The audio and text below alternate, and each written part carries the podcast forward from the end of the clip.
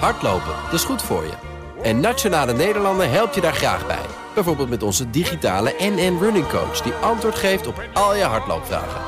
Dus, kom ook in beweging. Onze support heb je. Kijk op nn.nl slash hardlopen.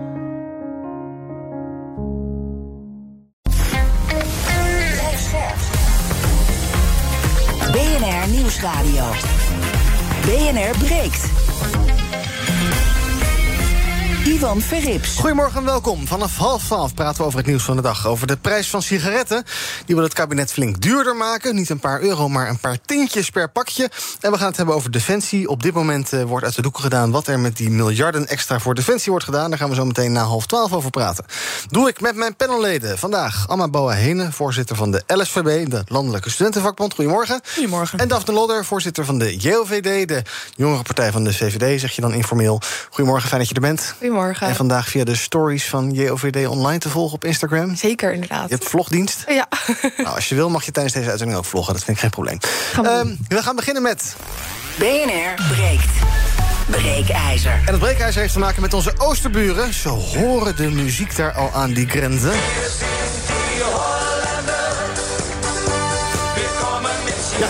Want uh, daar in Duitsland zijn de benzineprijzen vanaf vandaag flink lager. Door een belastingverlaging kost benzine op dit moment 1,85 euro per liter. Althans, dat was vanochtend. Diesel haal je er voor 1,90 euro. En dat maakt het uh, voor een deel van de Nederlanders ja, best wel de moeite waard om naar de oosterburen te reizen. Als het een beetje tegen zit, dan is het daar 50 cent per liter goedkoper. De Duitse pomphouder Horst Derksen die maakt de borst al nat. We verwachten een hele anstorm en uh, we kunnen het 10 nach 12 zien dat heel veel getankt wordt. En het wordt heel druk Ja, het wordt erg druk daar in Duitsland. Ons breekijzer vandaag is dan ook... voor zulke prijsverschillen gooi ik mijn tank vol in Duitsland.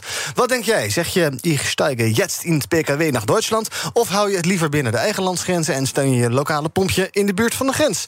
Laat het mij weten en pak je telefoon 020 468 4x0. Ik ben heel benieuwd wat je doet. Je kan ook stemmen via de stories van BNR Nieuwsradio op Instagram. Aan het einde van het half uur krijg je een tussenstandje van me. Zometeen dan hoor je mijn panelleden kijken wat zij ervan vinden... dat ja, er toch wel hele grote verschillen zijn in de benzineprijs. En hoe slim is dat nou eigenlijk? Maar eerst praat ik erover met Paul van Zelms. Hij is van consumentenplatform United Consumers. Goedemorgen, Paul.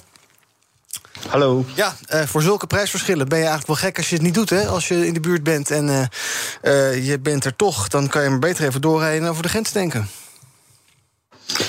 Ja, dat klopt enerzijds. Uh, ik wil een kleine kanttekening maken. Uh, die prijs- of accijnsverlaging en daarmee prijsverlaging aan de pomp in Duitsland... die zal wat vertraagd doorkomen... omdat uh, die tankstations pas over de liters die zij geleverd krijgen uit het depot... die accijnsverlaging kunnen doorvoeren... En dat betekent dat als een tankstation haar tanks nog vol heeft liggen... ze eerst die tanks leeg moeten maken voordat ze vanuit het depot nieuwe benzine krijgen... en die tegen de lagere accijns kunnen verkopen. Want uh, die accijnsverlaging wordt gerekend vanaf depot. Dus het zal niet bij alle stations in Duitsland zijn... maar in de loop van de week zal dat wel uh, zich recht trekken. Ja, nou, dat is dus goed om eventjes in de gaten te houden... mocht je dat dan toch van plan zijn. Uh, is het een wenselijke situatie dat dat verschil nu zo groot wordt... wat jou betreft? Nee, uh, vanuit Europa gedacht is het natuurlijk raar dat uh, de verschillende landen om ons heen andere accijnstarieven hebben, waardoor de brandstofprijzen aan de pomp een ander tarief kennen. Uh, dat is niet wenselijk, nee. Maar het is wel zo. Ja, het is wel zo. En kunnen we er iets aan doen? Ja, we zouden er iets aan kunnen doen. We kunnen mee met zo'n plan. Maar dat soort plannen zijn er geloof ik niet in Den Haag. Dus voor nu is het een beetje een ja, voldongen feit. Waar in ieder geval al die grensstations tegenaan kijken. Want die gaan het wel merken waarschijnlijk, hè? Ja, die zullen het zeker merken. Maar het harmoniseren van die accijnzen of, of, of prijzen überhaupt ligt wat complex. Omdat bijvoorbeeld in België is het ook goedkoper. Maar de, de, de belastingheffing in Duitsland ten aanzien van mobiliteit... en dan trek ik het even wat breder. Dus wat kost een auto daar? Wat betaal ik aan wegenbelasting? Wat kost de verzekering? Heeft een hele andere opbouw als in Nederland. Per saldo zal dat ongeveer gelijk zijn. Maar dat betekent dat in Nederland bijvoorbeeld de benzine duurder is... en in België de wegenbelasting, ik noem maar wat. Ja. En dat maakt dat het, uh, het corrigeren van het een ook consequenties voor het ander meebrengt. En dat maakt dat het zo moeilijk is en dus niet gebeurt. Um, zometeen gaan we even met jou de diepte in. ik doe een rondje in het panel. Kijken hoe mijn panelleden erover denken. ja, jullie wonen allemaal in de Randstad. En dan loont het niet heel erg om ja, die kant op te rijden in praktijk. Maar stel dat je er toch zou zijn. Ja, wat ik al zei tegen Paul ook, voor zulke prijsverschillen. Amma, je bent wel gek als je hier gaat denken, toch? Ja, ik, sterker nog, ik, ik woon in Utrecht en ik las dat het vanuit Utrecht ook nog loont om. Oh, een hele zuinige auto hebben, ze tankstation te rijden. Dus dat, de prijsverschillen zijn wel gigantisch. Uh, ik heb sowieso zelf geen tank om vol te gooien. Dus ik kan er zelf niet echt over meepraten. Ik kan me goed voorstellen dat als die prijsverschillen zo groot zijn... en je rijdt veel met de auto, dat je dan de grens overgaat om goedkoop te tanken. Maar blij word ik er niet echt van. Sowieso denk ik al dat autoverkeer dat over de grens gaat... en mensen die tientallen honderden kilometers afleggen om te tanken... dat is niet echt uh, ook voor het milieu. Dus ik zou eigenlijk graag zien dat de Nederlandse overheid... juist ook binnenlands wat meer doet om uh, mensen te stimuleren om, om hier te blijven. Misschien ook het openbaar vervoer goedkoper te maken. Uh, en op, op die manier op te lossen. Ja, openbaar vervoer hebben we het ook nog wel even over. Want daar heeft Duitsland ook maatregelen opgenomen. best wel interessante maatregelen wat wij niet doen. Zou je dan ook zeggen, ja, dat kortingen geven op brandstof... dat moeten we eigenlijk niet doen, want daarmee stimuleer je alleen maar dat we blijven rijden? Nou, ik denk in deze situatie, kijk, als mensen, sommige mensen hebben ook echt de auto nodig om ergens te komen. Dat is natuurlijk ook zo. En het is ook zo dat de prijzen echt ontzettend hoog zijn. Dus ik vind het wel goed om mensen op een bepaalde manier te compenseren voor die oplopende prijzen. Maar ik weet niet of ik dat uh, per se zou concentreren op de brandstofprijzen. Uh, dus op het, het autorijden goedkoper maken. Ik denk dat je mensen ook op een andere manier kunt ontzien. Daphne, lekker naar de Aldi curryworstje mee. En dan uh, misschien nog een dagje keulen of zo. En dan lekker tanken. Groot gelijk. Nee, slecht idee. Oh, wel. Ja, ik uh, heb ook overigens gelezen dat dit de Duitse staatskas uh, zo'n 140 miljard euro gaat kosten. Dus ik vraag me af wat alle politieke organisaties in, in Duitsland op dit moment doen. Mhm. Want ik zou toch wel op mijn achterste poten staan, om heel eerlijk te zijn. Um, om deze weer opnieuw ook een sigaar uit eigen doos um, te geven. En iedereen te compenseren voor uh, nou ja, een, een ongemak. Um, waardoor we nu ook nog eens de, de, de oorlog indirect su supporten. hier hebben we ons ook al kritisch over uitgelaten wat betreft hè, wat we in Nederland hebben gedaan. Mm -hmm. Ook de brandstofprijzen verlaagd. En ik denk echt dat dat een, uh, ja, een heel slecht idee is. Ja, um, überhaupt dus brandstofprijzen verlagen. Ja, omdat het echt een sigaar uit eigen doos is. Mm -hmm. Je gaat iedere Nederlander compenseren uh, voor het ongemak van de hogere prijzen. En ik snap heel goed wat Ama zegt. Ik ben het er ook wel mee eens. Um, maar we kunnen dat geld veel beter besteden aan andere zaken. Mensen die het echt nodig hebben. Kijk naar energiearmoede bijvoorbeeld onder mensen op dit moment. Uh, en nu mag iedereen uh, profiteren van een korting op brandstof. Ja. Terwijl dat ook nog eens slecht is voor het milieu. en we de oorlog in, in Oekraïne hiermee nou, sponsoren als het ware. Ja. Paul, voordat we naar het bellers gaan, als we even kijken naar de Nederlandse situatie. 1 april heeft bij ons de verlaagd. Dat hielp even, want ja, het werd iets goedkoper. Maar sinds begin mei lopen die brandstofprijzen alweer op. En als je uh, kijkt naar uh, benzine, dan zitten we eigenlijk alweer op, die pre, op dat pre-verlagingsniveau. dus ja, dan zou je weer moeten gaan verlagen, bij wijze van spreken. Ja, nou, ik, ik denk dat die verlaging die de overheid heeft doorgevoerd een, een, een politieke keuze is geweest en inderdaad eenmalig is. Dat gaan we niet nog een keer meemaken, want de overheid kan dat geld niet missen. Dus als die prijzen doorstijgen en bij wijze van spreken die accijnsverlaging helemaal teniet gedaan is, ja, dan hebben we gewoon pech. Ja. Helaas. Ja, maar werkt dat, werkt dat systeem dan wel van die accijnsverlagingen? Eh, ja, of is het eigenlijk ja, een soort het, het, het, dempt iets, hè? Dat, ja. dat, dat, valt niet te ontkennen. Maar um, uh, ik verwacht niet dat de overheid dat nog een keer gaat doen... of, of op een andere manier uh, op de markt wil ingrijpen. de markt is de markt en als daar dingen duurder worden... en met energie is dat nu heel duidelijk... en dat zal ook waarschijnlijk niet meer veranderen... Ja, dan zullen we daarmee moeten leven, helaas, ben ik bang. Ons breekijzer. Voor zulke prijsverschillen gooi ik mijn tank vol in Duitsland. Wat denk jij of wat doe jij? 020 468 4 keer 0 Wat vind jij? Ben ik ook wel benieuwd naar. 020 468 4 keer 0 En we beginnen bij een grensbewoner. Dat is onze vaste beller Ardi. Goedemorgen. Goedemorgen, Inga. Zeg het maar. Ja, inderdaad, ik ben uh, grensbewoner en ik niet alleen, maar heel veel mensen hier in de buurt, in de omliggende dorpen en steden, die zeggen allemaal massaal, we gaan tanken in Enschede, of in uh, Duitsland, en we doen ook meteen de boodschappen daarbij. En Pieter Omzicht heeft daarvoor gewaarschuwd in Den Haag, maar daar zijn ze doof. Ja, maar wat, ja, doe, je, doe, je het ook, doe je het ook of niet? Ik doe dat ook. En ja. collega-ondernemers doen het ook. Die zeggen van normaal gesproken zouden we graag bij ondernemers hier in de buurt blijven tanken. Alleen als het prijsverschil zoals nu 50 cent per liter is, ja, dan ben je heel simpel, ben je die van je eigen portemonnee. Ja, en jij zegt dus het probleem is eigenlijk nog groter, want mensen gaan ook andere uitgaven die ze eigenlijk hier doen, in het buitenland doen. Ja, en dat probleem is bekend inderdaad, maar daar zeggen ze het valt allemaal wel mee. Ja. Dus uh, Peter die zegt ook van ja, je zou het niet moeten doen, sigaren uit eigen doos, al dat soort dingen hoor je wel. De accijnzen raken we nu sowieso kwijt als overheid, omdat we naar het buitenland toe gaan. Ja, dus dat werkt misschien ook niet. Dank voor het bellen. Ardi, Marcel, goedemorgen. Ja, eigenlijk hetzelfde verhaal. ik doe het anders nooit. Het is maar 15 kilometer bij mij vandaan. Maar ik heb nu voor 1,87 getankt. Het scheelt toch 60 euro op, eh, op een volle tank. En ik ben ook meteen bij de DM-shop even mijn playpapier gaan halen. Ik heb de hele auto vol liggen en ik kan helemaal niet door. nou, ik, weet, ik wil niks weten over jouw stoelgang. Dank voor het bellen, Marcel. Uh, Bob, goedemorgen. Bob. Goedemorgen. Zeg het maar. Het lijkt mij wel een goed idee om de benzineprijs te koppelen aan de melkprijs. Aan de melkprijs? Vertel. Nou, dan wordt de benzine een stuk goedkoper van. dat is ook een oplossing. Dank voor het bellen, Bob. Okido. BNR breekt. Ivan Verrips. En als breekijzer vandaag, daar kan je op reageren door te bellen naar 020 468 4x0. Met zulke prijsverschillen gooi ik mijn tank vol in Duitsland. Ik ben heel benieuwd wat jij doet en ook uh, wat jij vindt. Um, ja, ik kan me voorstellen, Paul, dat die grensstations... daar zal het dan misschien de komende dagen toch wat rustiger gaan worden. Maar die hebben natuurlijk ook weinig uh, ja, mogelijkheid om mee te bewegen met die prijs, neem ik aan. Die kan je moeilijk aan die Duitse situatie aanpassen. Nee, die, die kunnen niet concurreren met dat soort prijzen. Dus die, die zullen moeten accepteren dat de mensen die dicht bij de grens wonen. Uh, uh, de kans hebben, en een deel zal dat doen, een deel ook niet, uh, over de grens gaan tanken. Maar overschat niet het, het, voordeel wat je hebt. Hè? Want als je het omrekent, zijn er eigenlijk twee kosten die je hebt als je over de grens gaat tanken. De ene is de kilometers die je rijdt en de brandstof die je daarvoor verbruikt. En als je dat omrekent, is dat zo'n 17 cent per kilometer. -huh. En de tijd, ja, dat is een beetje hoe je rekent, maar als je zegt dat je uh, een, een, tientje per uur uh, tijd kost, dan kun je dat ook omrekenen in uh, de, de, de, de, de, de, de tijd die het kost om die kilometers te rijden. En dan praat je over 17 cent. Dus dat betekent als je um, een tientje over wil houden, dan moet je niet te ver weg van de grens wonen. Ja. Wil je het voordeel van bijvoorbeeld 20 euro pakken. Um, ja, dat is maar voor een kleine groep mensen interessant. En ja, dat snijdt harder als je pomphouder bent en je ligt toevallig op die route. Maar op het totaal van Nederland is dat uh, minimaal of marginaal. Dan ja. kom je niet uh, in de tiende van procenten. Nee, ja, je maar goed, zo'n pomphouder zal daar een oplossing voor moeten hebben. En het keert ook wel eens. Hè. Soms is de diesel in Nederland weer goedkoper en dan komen Duitsers in Nederland denken. En ja, dat is het nadeel van aan de grens wonen. Maar dat is niet alleen met tankstations zo, is ook met supermarkten zo. Alcohol is in Duitsland bijvoorbeeld goedkoper. Dus die hebben daar ook last van. Ja, het is een beetje het uh, leed wat de grens heet. Nou, we hoorden net al uh, een uh, Duitse pomphouder. Dat was Horst Derksen. We gaan nu even naar de goede kant van de grens. Grapje.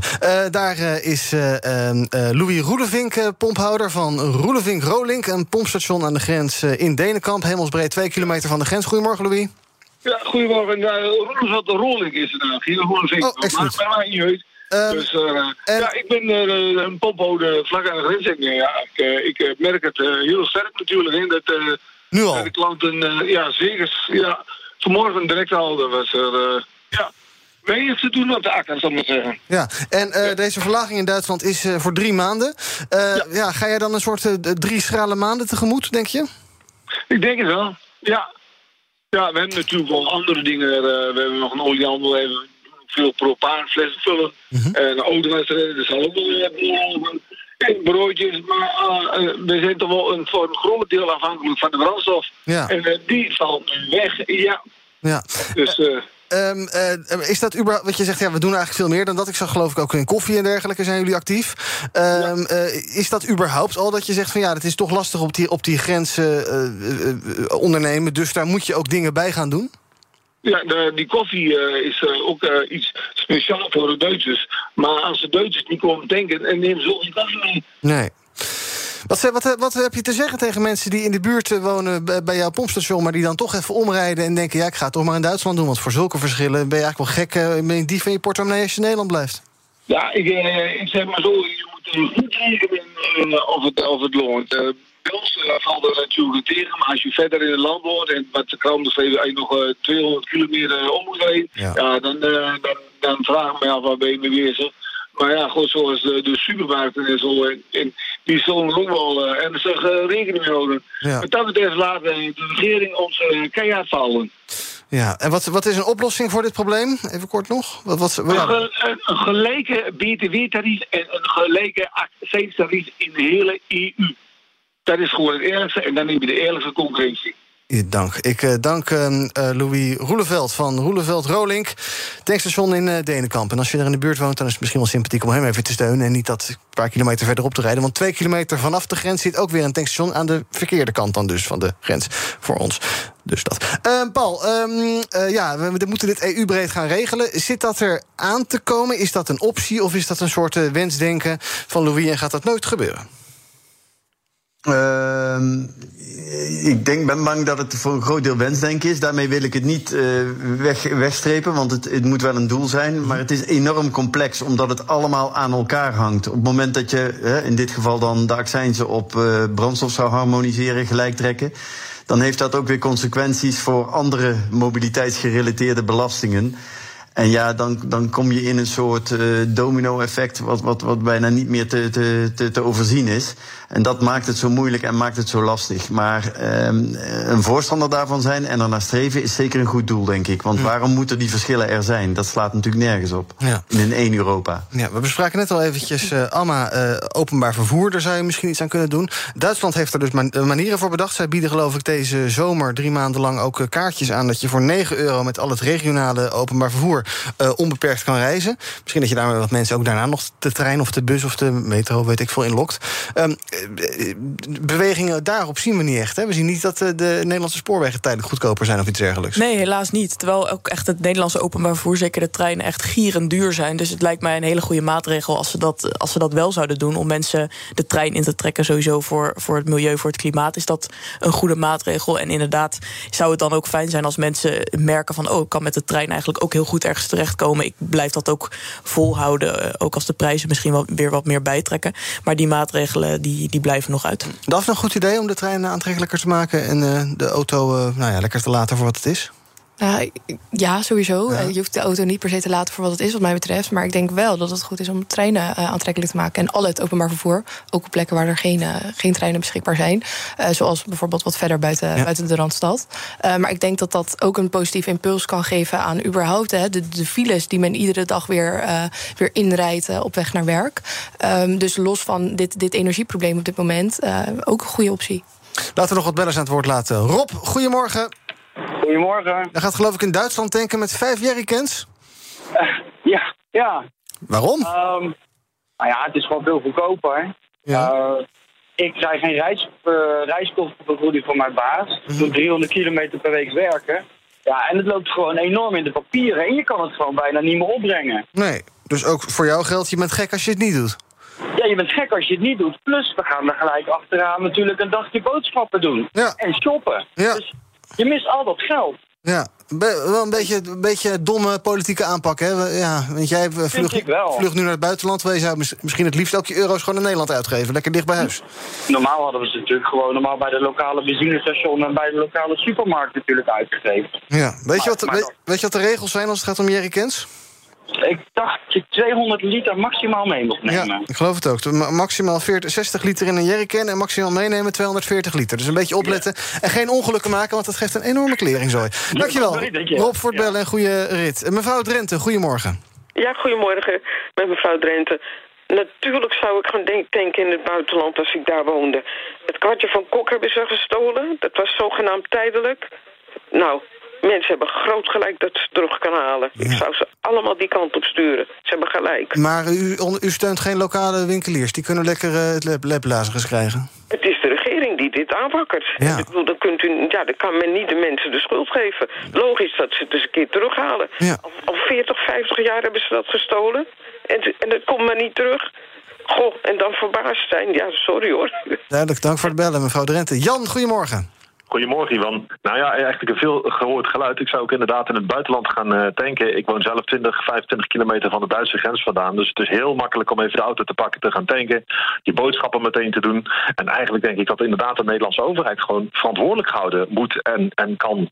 Uh, maar ook moet worden voor het uh, leed wat hier de, de, de pomphouders, met name in de grensregio, aangedaan wordt. -hmm. En inderdaad moet het ook Europees uh, aangepakt gaan, uh, gaan worden. Um, als je, kijk, ik noem nou Duitsland. Het gaat vandaag nu over uh, de prijs in Duitsland. Maar eigenlijk heb je in België al heel lang hetzelfde gehad. Ja.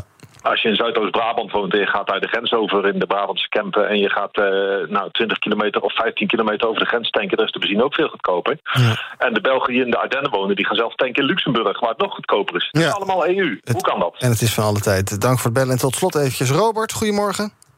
Ja, goedemorgen. Uh, nou ja, ik ben het dus totaal mee eens. Het is vervelend voor de lokale pomphouders. Maar zelfs uh, enige tijd geleden was ik in Polen. En daar was een liter benzine 1,35 euro omgerekend. Kijk. En dan gaan de Duitsers heen. Die, uh, die is toen gepakt met een heleboel uh, jerrycans vol omdat het goedkoop was. Hm.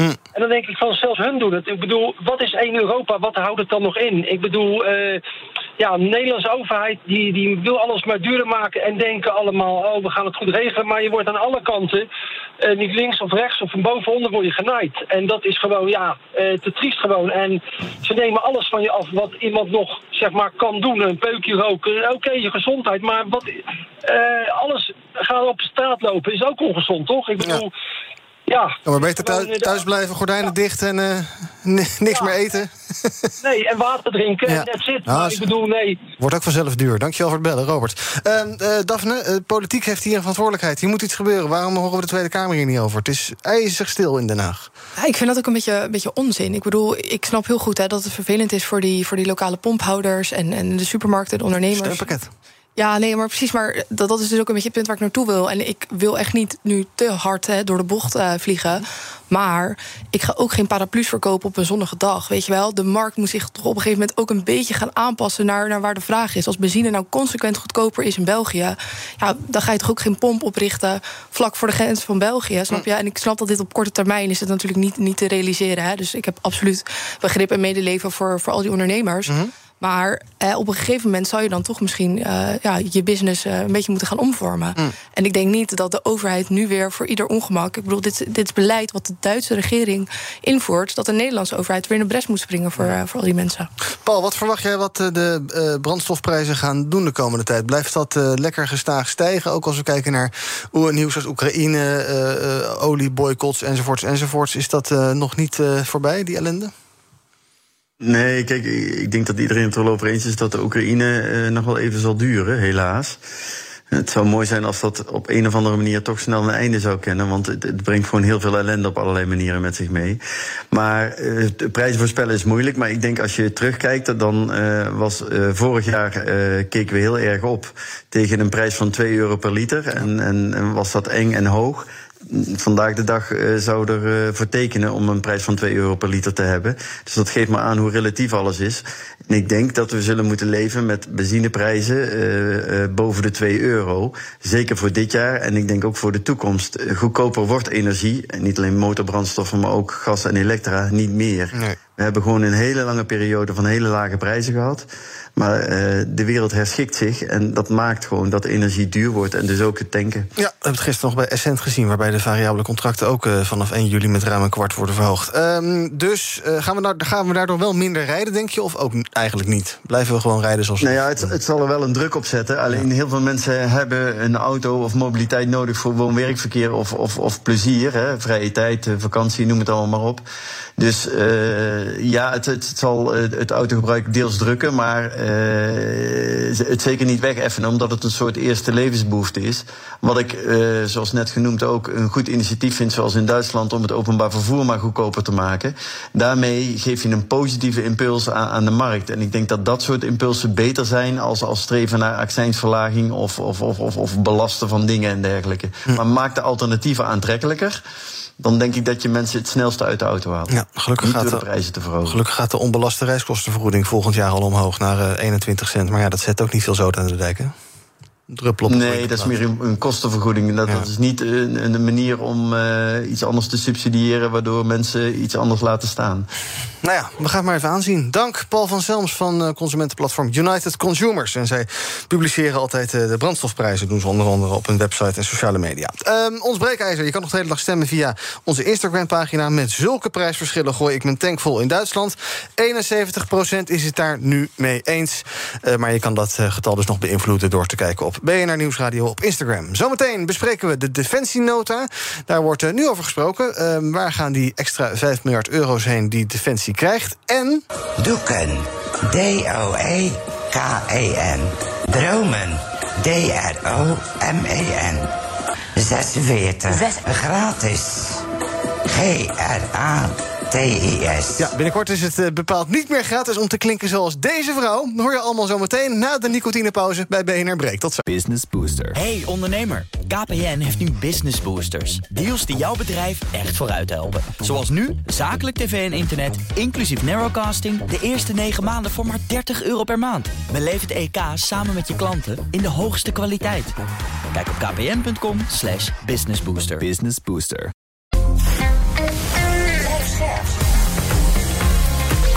BNR Nieuwsradio.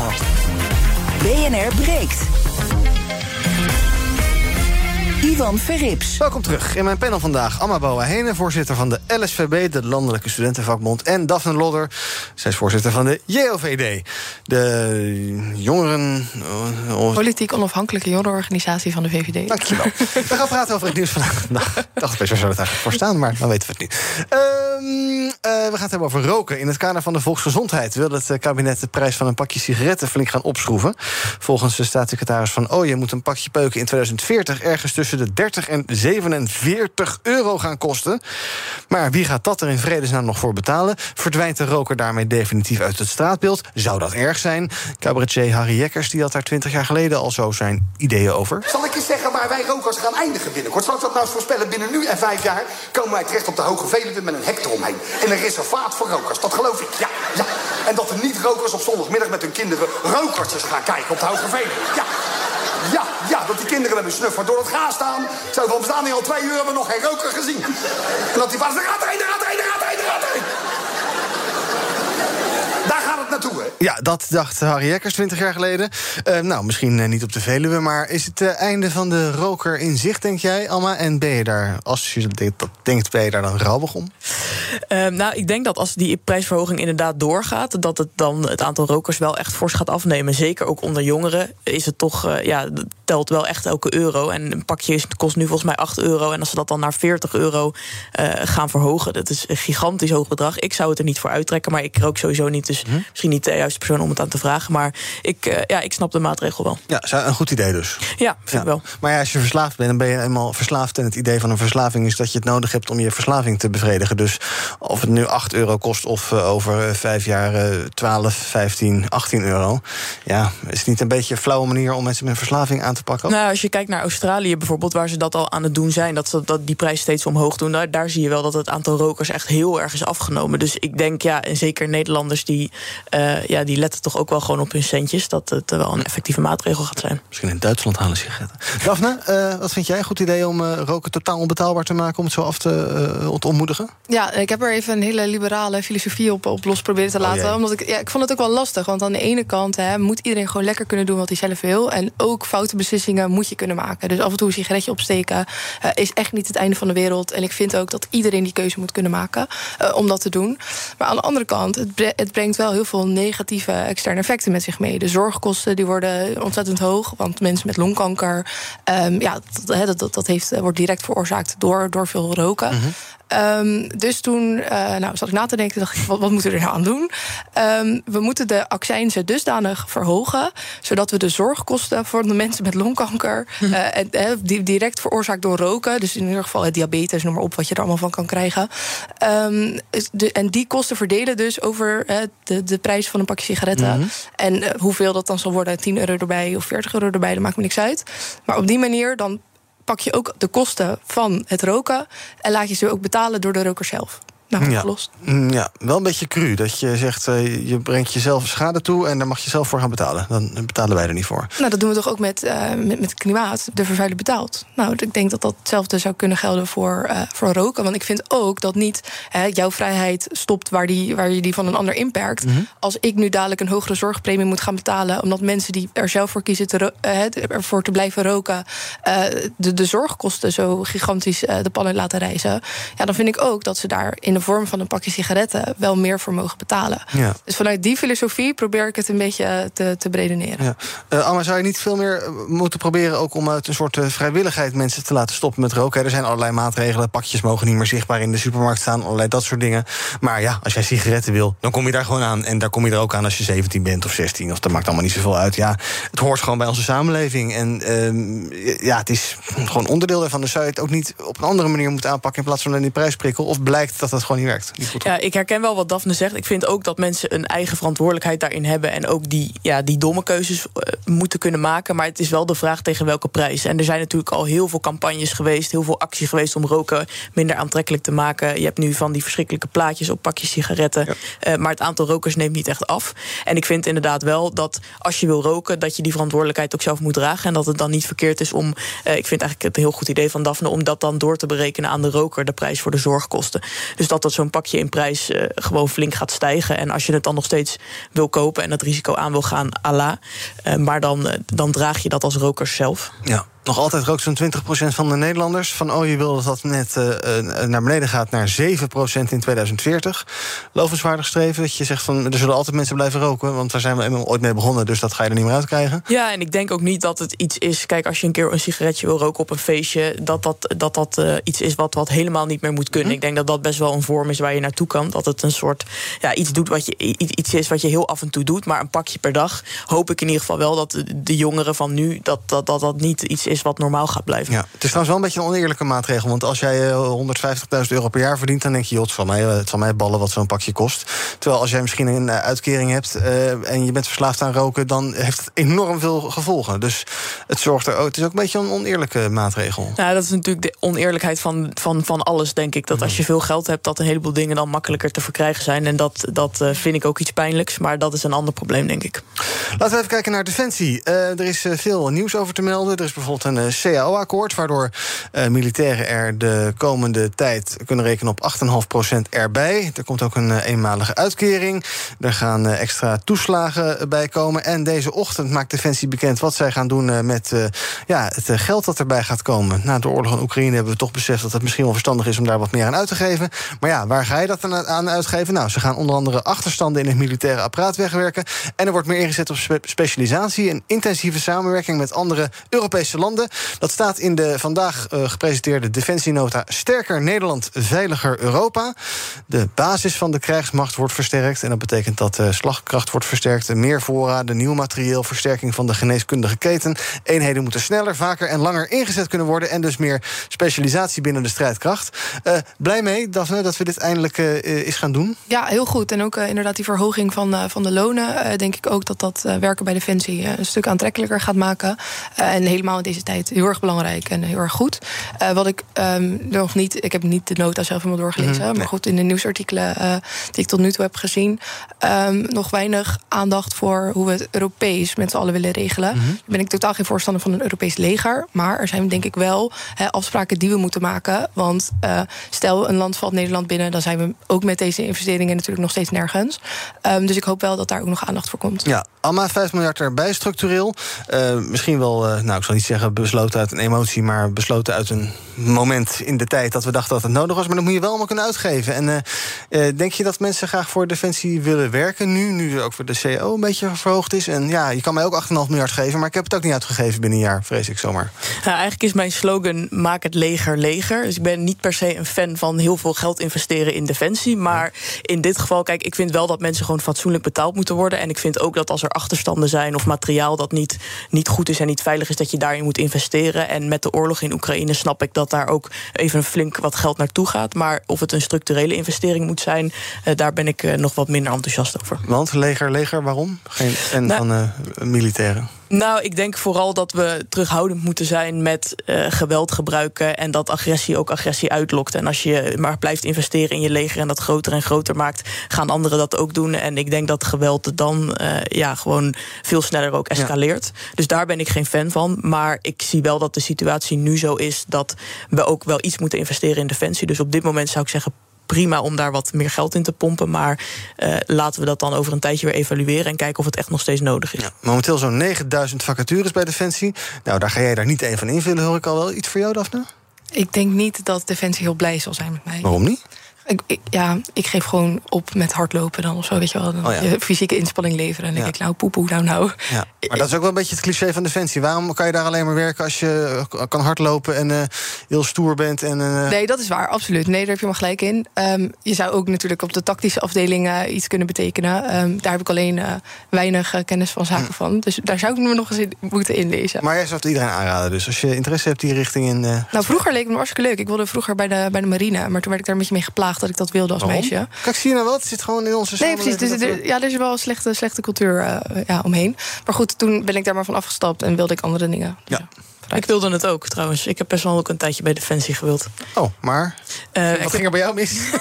ik, heb daar toch, ik heb daar toch maar van afgezien. Maar ik denk op zich dat het best goed zou zijn... om als er bij Defensie ook mensen gaan werk- werken... die eigenlijk eh, wat meer pacifistisch zijn... en tegen het gebruik van geweld. Dat zou wel interessant Maar zijn. ik denk dat dat wel het geval ook is. Hè? Want ik bedoel, iedereen wil nu streven naar diplomatieke oplossingen. Het is alleen dat we in een wereld leven waarin andere landen, nou ja, zo blijkt, eh, niet die diplomatieke middelen eh, direct gebruiken, maar gewoon echt het leger inzetten. Misschien is er toch een plekje voor jou. Ja, wie weet. Maar kan jij van, vanuit het leger kan je het leger leger gaan maken of zoiets? Hardlopen, dat is goed voor je. En Nationale Nederlanden helpt je daar graag bij. Bijvoorbeeld met onze digitale NN Running Coach... die antwoord geeft op al je hardloopvragen. Dus, kom ook in beweging. Onze support heb je. Kijk op nn.nl slash hardlopen. Is Kees de Kort? BNR. Oh, stop! Wie is Kees de Kort? Helene Mees. Helene Mees is Kees de Kort. Goed zo, dankjewel. Zometeen om 12 uur. We gaan kijken naar eh, jullie eigen nieuws. Wat viel jullie op in de media? Alma, we hebben het al gehad over energieprijzen. eh, benzineprijzen, dieselprijzen enzovoort. Maar je wil het over andere energieprijzen hebben en studenten. Vertel. Ja, dat klopt. Eh, ja, wij krijgen bij de LSVB regelmatig verhalen binnen van studenten die echt te maken hebben met hele hoog oplopende energierekeningen. En we zijn daar een meldpunt over gestart waar veel studenten zich hebben gemeld. En die eigenlijk rapporteren dat ze wel zo'n 50 tot 80 euro per maand bij moeten gaan betalen, omdat die energieprijzen zo oplopen. En voor eh, lage inkomensgroepen heeft het kabinet een energiecompensatie eenmalig uitgetrokken. Maar eh, ja, rara, studenten vallen daar buiten. Ehm, dat is eh, heel vreemd wat ons betreft. En ook eigenlijk de zoveelste financiële klap die, die studenten te verwerken krijgen. En ja, wij, ja, onze oproep aan het kabinet is om daar echt meer mee te doen. Want het is iets wat veel studenten gewoon financieel niet aankunnen. Ja, een beetje ver- verkeerde lobby of zo? Wat is er misgegaan? Want, ja, of, of was het er opeens en wist je niet dat het eraan zat te komen? Of? Nou ja, het kabinet geeft eigenlijk twee redenen waarom ze niks voor studenten doen. Aan de ene kant zeggen ze studenten tot 21 jaar, die moeten gewoon nog door hun ouders eh, voorzien worden. En dan moeten die ouders die rekening maar betalen. Maar goed, er zijn een heleboel ouders natuurlijk die hun eigen rekening al niet kunnen betalen. Laat staan die nog van hun kind. En de andere reden die het kabinet geeft is dat studenten op heel veel verschillende manieren wonen. hè. Dus sommigen wonen in hun eentje, sommigen wonen thuis, sommigen wonen met anderen samen. En dat dat het lastig maakt om één generieke maatregel te maken. Eh, en ik denk ook dat het klopt dat een generieke maatregel lastig is. Maar om helemaal niks voor deze groep te doen, eh, ja, vind ik onbegrijpelijk. Ja, nou eens kijken of je bij Daphne een eh, medestander aan je zijde vindt. Want Daphne is natuurlijk nooit zo gek op eh, allerlei compensatieregelingen en pakketten enzovoorts. Nu wel? Ehm, normaliter niet, maar ik vind wel dat als wij iedereen in Nederland inderdaad willen compenseren voor een hoge energierekening, ehm, dan vind ik vooral dat je de mensen het meest moet compenseren die het meeste lijden hebben onder zo'n eh, hoge energierekening. En ik bedoel, als die ineens 800 euro stijgt, ik eh, zag gisteren denk ik het artikel dat jij ook hebt gezien van NOS dat een, een dame moest 750 euro in de maand aan, aan gas, water, licht betalen, eh, omdat ze een tochtige woning had. Ik bedoel, dat kunnen we met z'n allen niet, niet normaal vinden. Dus Ehm, ik vind het ontzettend begrijpelijk dat, eh, ja, dat de LSVB hiervoor, hiervoor strijdt. Ja. En eh, nou ja, ik wens je veel succes. En je politiek contact nog even opporren. Ja, wie weet. Maar goed, ik, ik merk ook dat, eh, en ik bedoel, dat daar hebben we het dadelijk ook over met de mentale gez- gezondheid van jongeren. ehm, dat er ja, net iets te weinig aandacht überhaupt gewoon is voor de positie van jongeren. Ja. Eh, kijk ook naar nou, hoe het weer gaat met, eh, met de studieschuld, de invloed die dat heeft op de hypotheek, waar weer niks mee gedaan wordt. En nou ja. Het is echt een opeenstapeling van, van dingen ook, denk ik, voor studenten. Je hebt inderdaad het leenstelsel, dus veel studenten hebben al hele hoge schulden. De huurprijzen zijn enorm hoog. Eh, er is een coronacrisis geweest waarin veel studenten eigenlijk heel weinig inkomen hebben gehad. Nu komen die hoge energieprijzen erbij. Er is nauwelijks compensatie voor het leenstelsel. Dat telt allemaal bij elkaar op en het is op een gegeven moment gewoon te veel. En eh, ja, ik snap eigenlijk niet dat studenten niet elke week de straat op gaan. Nou, maar je moet aan de bak met eh, lobbyen, bellen, mailen enzovoort. Iedereen Dat doe ik. vallen, heel goed. Eh Daphne, jij wil het hebben over onze breekijzer van gisteren eigenlijk. Over gas uit Groningen. Vertel. Ja, inderdaad. Um, want nou, de discussie die leidt natuurlijk nu weer op uh, of we wellicht uh, wel niet uh, gas uit Groningen moeten gaan gebruiken. Nu Gazprom stopt met, met leveren aan ons. Um, en ik vind dat eigenlijk een goed idee. En ik wil nou ja, daar eigenlijk een lans voor breken. Um, omdat Hans Vuilbrief heeft zelf gezegd van ja, kijk, die arme Groningers nou en die, die hebben een hele nou, een bizar slechte situatie mm -hmm. met hun ingezakte huizen, noem maar op. ben ik ook met hem eens. Alleen ik denk dat wat het probleem van de Groningers is is, is dat zij zich niet gehoord voelden in tijden dat het slecht met hen ging. En ze, ze werden niet, uh, nou ja, nu gebruik ik het woord weer, gecompenseerd mm -hmm. voor um, de geleden schade. En ik denk als we dat nu met z'n allen en met heel Nederland wel doen, we gaan met in gesprek van joh, onder welke voorwaarden kunnen we weer gas uit Groningen krijgen en hoe kunnen jullie daarvoor gewoon betalen? Um, dan denk ik dat dat prima mogelijk is. En dan investeren we het ook nog eens in, in onze eigen provincie. Ja. Um, dus ja, gewoon doen. Maar de afgelopen jaren wordt er toch überhaupt eigenlijk wel een beetje een middelvinger naar die Groningers opgestoken. Want die klagen steen en been. Er zijn allerlei oppositiepartijen die daarover meeklagen. Maar er gebeurt eigenlijk niet zoveel als het gaat om die compensatie, als het gaat om versteviging van huizen, dat soort zaken. Uh, ja, waarom zou er nu wel iets kunnen veranderen? Nou, omdat de nood aan de man is. Uh -huh. En ik denk dat dat, uh, ja, dat dat echt wel voor verandering kan zorgen. En ik denk ook, als je spreekt met Groningers... dat hun grootste issue was dat zij gewoon niet, niet gehoord en, en begrepen werden. En als je dat wel doet, dan denk ik dat je ook prima afspraken kunt maken... onder welke voorwaarden je wel weer gas uit Groningen kunt halen. Ik denk ook dat deze mensen prima een steentje bij willen dragen... aan uh, een lagere energierekening voor, voor alle Nederlanders. Ja, als ze wel fatsoenlijk behandeld worden. Als ze fatsoenlijk behandeld worden. Dus dat, uh, ik denk dat, dat Hans Velbrief dat nog even na zou moeten gaan. Kijken wat er trending is op de socials. Natuurlijk hashtag Schiphol vanwege de lange wachtrijen... maar ook vanwege het akkoord op hoofdlijnen. Directeur uh, Dick Benschop is blij met het akkoord. Hij presenteert het uh, over een half uurtje, geloof ik. De details, je gaat dat later vandaag horen op BNR. Maar hij waarschuwt ook, verwacht nou niet dat de lange rijen... als sneeuw voor de zon verdwijnen. Hashtag Biden is trending. Joe Biden die heeft toegezegd om toch geavanceerde raketsystemen... naar Oekraïne te sturen ter ondersteuning in de uh, strijd tegen Rusland. Maar hashtag Poetin is ook trending. want Rusland heeft de Russische nucleaire troepen... hebben daar een oefening gehouden. En dan is sinds deze ochtend hashtag De Dijk trending. Zanger en schrijver Huub van der Lubbe van De Dijk heeft gezegd dat ze gaan stoppen. En daarmee komt er na 41 jaar een einde aan De Dijk. Gaat dus definitief uit. Het licht bij de dijk gaat uit. Tot slot van deze uitzending nog even hebben we spraken het al over die CBS-cijfers.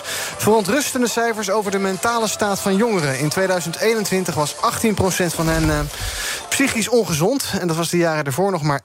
Een flinke stijging dus. Uh, corona heeft daar natuurlijk invloed op. Maar ja, dat is misschien wel zo goed als verdwenen. En dus is de vraag, gaat die mentale gezondheid van jongeren snel weer verbeteren? Daar heeft Marieke Leurs van het RIVM Centrum Gezondheid en Maatschappij... wat beter zicht op dan ik. En zij zegt... Nu toe hebben we cijfers tot met het einde van 2021. En als je van kwartaal op kwartaal kijkt, dan zie je wel dat, dat die mentale ongezondheid weer aan het afnemen is. In de zin dat er dus wel sprake is van verbetering. Ja. Maar het is nog steeds een stuk hoger dan dat we normaal gesproken zien. Ja. Dus er lijkt nog steeds iets aan de hand met de jongeren. Er lijkt nog steeds iets aan de hand met de jongeren. Zie jij dat terug, Amma? Ja, zeker. En ik denk ook dat het te makkelijk is om te denken... coronamaatregelen zijn voorbij en nu is het in één keer allemaal, allemaal goed. Want het is natuurlijk zo dat jongeren wel echt ook klap op klap op klap te verwerken hebben gehad. En dat je op een gegeven moment niet meer zo makkelijk van terugveert. En er ook gewoon een hele lichting jongeren is... die een paar jaar veel binnen heeft gezeten... weinig vrienden heeft kunnen maken... bijvoorbeeld in een nieuwe stad is gaan wonen... maar daar ook nauwelijks heeft kunnen aarden. En dat is niet iets wat van op het een op het andere moment weer goed is natuurlijk. Ja, uh, het is te makkelijk om te zeggen... ja, dan moeten we maar iets weerbaarder worden. Nou, ik denk dat het belangrijk is dat je ook gaat kijken naar hoe jongeren met hun mentale gezondheid omgaan. En dat je alle jongeren daar ook bij helpt om, om, om mentaal gezond te zijn. Maar ik denk dat je als niet moet onderschatten wat voor grote rol de samenleving en het onderwijs daar bijvoorbeeld ook in speelt. En de druk die er op, op uh, jongeren ligt om uh, te presteren, om hoge cijfers te halen, uh, om veel geld te verdienen, die is ontzettend hoog. En, en dat, dat is ook iets wat je als samenleving moet aanpakken om dat te verlagen. En ik denk dat, dat we dat ook echt gaan Hm. terugzien in die cijfers als dat zou gebeuren. Daphne, jij geeft les. Zie je uh, dit uh, beeld ook in de uh, klas? Jongeren die het moeilijk hebben? Mm, Ja, maar ik denk dat dat ook wel iets is wat, wat van alle tijden is. En wat je net aangeeft van jongeren moeten weerbaarder worden. Ja, dat moeten ze ook zeker. Maar daar moeten ze hulp bij krijgen om dat, om dat te worden. En um, ik denk dat daar opnieuw weer te weinig aandacht voor is. Ik denk wel dat het onderwijs, wat Amen net ook zegt... echt een hele belangrijke rol erin kan spelen. Ik was laatst op een, op een privéschool, dat was uh, nou, erg bijzonder. Maar zij spenderen iedere dag 15 minuten aan uh, nou, hè, mindfulness en mentale gezondheid. En ik bedoel, het is natuurlijk eigenlijk belachelijk dat je ervoor naar een privéschool moet gaan. Dat, eh, eer dat daar voldoende aandacht aan wordt besteed. Iedere school, basisschool, middelbare school, zou dat gewoon moeten kunnen integreren in het, uh, in het lesprogramma. Um, en spreken over mentale gezondheid zou daarin ook uh, heel erg normaal moeten worden. Heel veel aandacht dus voor nodig om dat te verbeteren. Uh, werk aan de winkel voor iedereen dus daarmee. Dank jullie wel vandaag voor jullie aanwezigheid. Amma Boahene van de LSVB en Daphne Lodder van de JOVD. Morgen dan ben ik er weer met BNR Breekt. Tot die tijd kun je ons volgen via de socials. YouTube, Instagram, Twitter enzovoorts. En dan nu, ja, gaat het licht echt uit van Breekt. Zometeen is Thomas van Zelje met Zaken doen. Tot morgen. Hardlopen, dat is goed voor je. En Nationale Nederlanden helpt je daar graag bij. Bijvoorbeeld met onze digitale NN Running Coach... die antwoord geeft op al je hardloopvragen. Dus, kom ook in beweging. Onze support heb je. Kijk op nn.nl slash hardlopen.